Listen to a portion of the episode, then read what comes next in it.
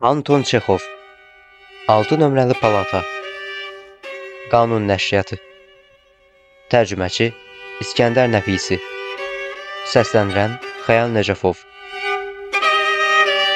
Birinci hissə Xəstəxana həyətində ay pəncəsi, gicikgən və çətənə kolluqları ilə bürünmüş kiçik bir fligel var idi. Fligelin dəmir damı paslanmışdı. Su novçası yarı edək sınıb tökülmüşdü. Artırmasının pillələri çürümüş və qıraq bucağında ot bitmişdi. Evin suvağından təkcə iz qalmışdı.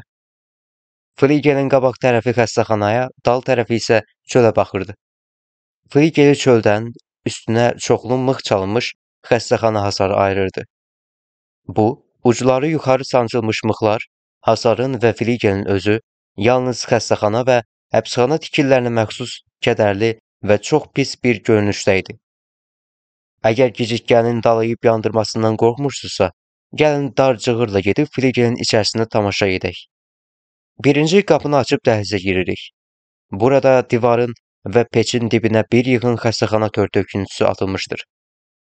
Döşəklər, köhnə cırıq xalatlar, heç nəyə yaramayan göy zolaqlı köynəklər, yırtıq ayaqqabılar bir yerə tökülmüş, əzilmiş, qarışdırılmışdır.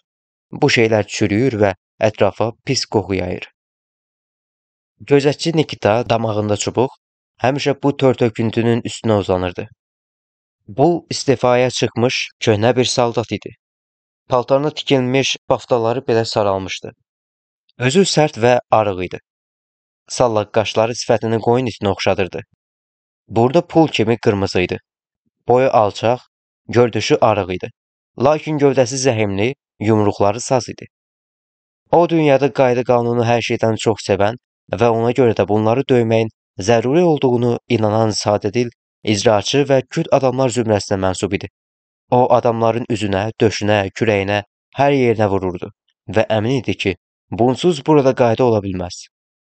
Sonra dəhliz hesab edilməzsə, bütün fligeli tutan böyük, geniş bir otağa girirsiniz. Otağın divarları çikli abı rəngə boyanmış, tavanı his çəkmişdir.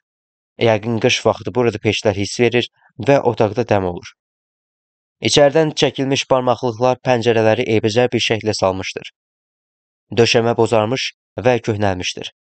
Otaqdan turş kələm, əski yanığı, taxta biti və amonyak qoxusu gəlir. Bu qoxu ilk dəqiqədə sizə elə təsir bağışlayır ki, elə bil heyvanxanaya girmisiniz. Otaqda döşəməyə vintlənmiş çarpaylar var idi. Bu çarpaylarda göy xəstəxana xalatı geymiş və başlarına qədim modalı qalpaq qoymuş adamlar oturur və yatırdılar. Bunlar dəli idilər. Cəmisi 5 nəfər idi. Bunlardan yalnız biri adlı sanlı idi. Qalanları isə adi meşanlar idi. Qapıdan birinci olan uca boy, arıq, sarı bığları parıldayan, ağlar gözlü meşan başını ovucularına dayayıb gözlərini bir nöqtəyə zilləmişdi. Bu kişi gecə-gündüz dərdə-qüssəyə qapılır, başını yırğalayır, ah çəkir və acı təbəssümlə gülümsüyürdü. Söhbətdə az-az iştirak edir, suallara adətən cavab vermirdi. Yeməyi, içməyi də qeyri-ixtiyari idi. Nə vaxt təklif etsələr, palatada bu pəncərədən o pəncərəyə gəzişir və yanaqlarındakı qırmızılıq onun vərəm xəstəliyinə tutulduğunu göstərirdi. Onun o tayındakı çarpayda alçaq boylu, zirək, xeyli oynaq bir qoca uzanmışdı. Onun keçi saqqalı, zənci saçları kimi qara, qıvırcıq saçları var idi. Gündüzlər palatada bu pəncərədən o pəncərəyə dək gəzinir, öz yatağında bardaş qurub oturur, şaqraq quşu kimi fit çalır, yavaşca oxuyur və hırıldayırdı. Gecələr Allaha daha yaxşı ibadət etmək üçün, yəni yumruqlarını döşünə döymək və barmaqları ilə qapını qurdalamaq üçün duranda uşaq kimi şən və qıvraq olurdu. Bu Yahudi Moiseyko idi. 20 il bundan əvvəl onun papaqçı dükanı yanan zaman başına hava gəlmişdi. 6 nömrəli palata sakinlərinə yalnız ona filigeldən və hətta xəstəxana həyətindən küçəyə çıxma izin verilirdi. Xəstəxanada uzun müddət qaldığına və dinc, zərərsiz bir dəli, bir şəhər təxəyi olduğuna görə çoxdan bəri bu imtiyazdan istifadə edirdi. Onu daima şəhərin küçələrində başına uşaqlar və itlər toplaşmış halda görməyə adət etmişdilər. Əynində xalat, başında məzəli bir qalpaq və ayağına tufli, bəzən də ayaqyalın və hətta dumancaq küçələri dolaşır, darvaza və dükanların qarşısında durur və dilənirdi.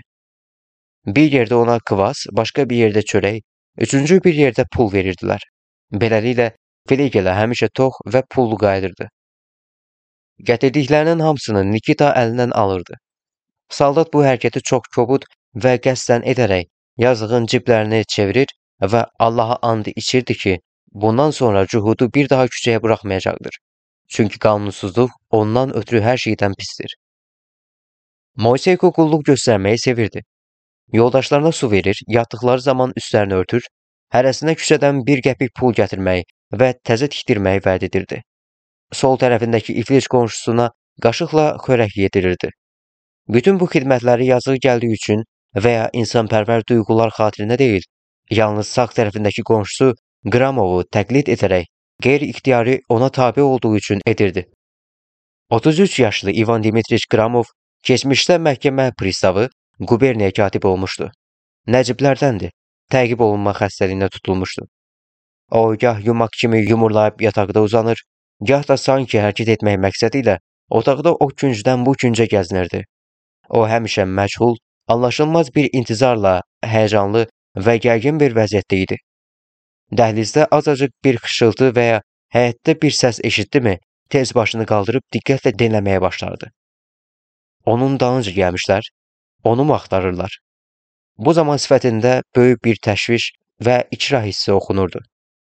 Onun mübarizədən və uzun müddət davam edən qorxudan əzab çəkmiş ruhunu ayna kimi əks etdirən enli sümüklü, həmişə solğun və bədbəxt ifadəli üzü mənim xoşuma gəlirdi. Üzündə qəribə və xəstə bir ifadə var idi. Lakin çöhrəsində dərin və səmimi istirabdan əmələ gələn incə cizgilər ağıl və mərifətə dəlalət edirdi. Gözlərində qaynar bir parıltı var idi. O, mehriban və xidmət göstərən adam olduğu və Nikitadan başqa hamı ilə gözəl rəftar etdiyi üçün mənim xoşuma gəlirdi.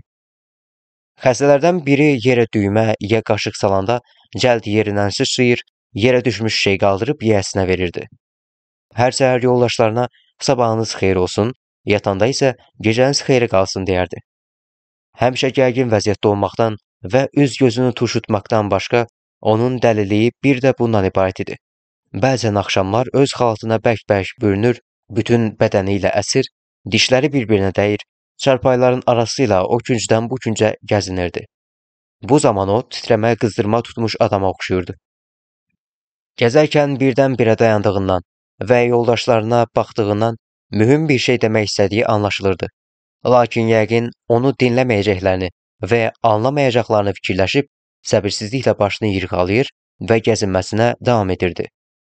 Amma danışmaq arzusu tezliklə hər cür mülahizələrə qalib gəlirdi və iradəsini toplayıb odlu-odlu danışmağa başlayırdı. O, sayıqlayan adam kimi hərarətlə danışırdı. Sözləri qarışıq və çox zaman anlaşılmaz olurdu. Lakin gözlərində də, səsində də son dərəcə gözəl bir ifadə duyulurdu. O danışanda onu bir dəli, bir insan kimi tanımağa başlayırsınız. Onun dəlilərə məxsus qızğın nitqini kağızda əks etdirmək çətin işdir. O adamların alçaqlığından, haqqı tapdalayan zülmdən, bir zaman yer üzündə bərpa olacaq gözəl həyatdan, hər dəqiqə ona zalımların kütlüyünü və amansızlığını andıran pəncərə barmaqlıqlarla danışırdı. Beləliklə köhnə, lakin hələ oxunub qurtarmamış mahnılardan qarışıq, pozuq bir pop ürə əmələ gəlirdi.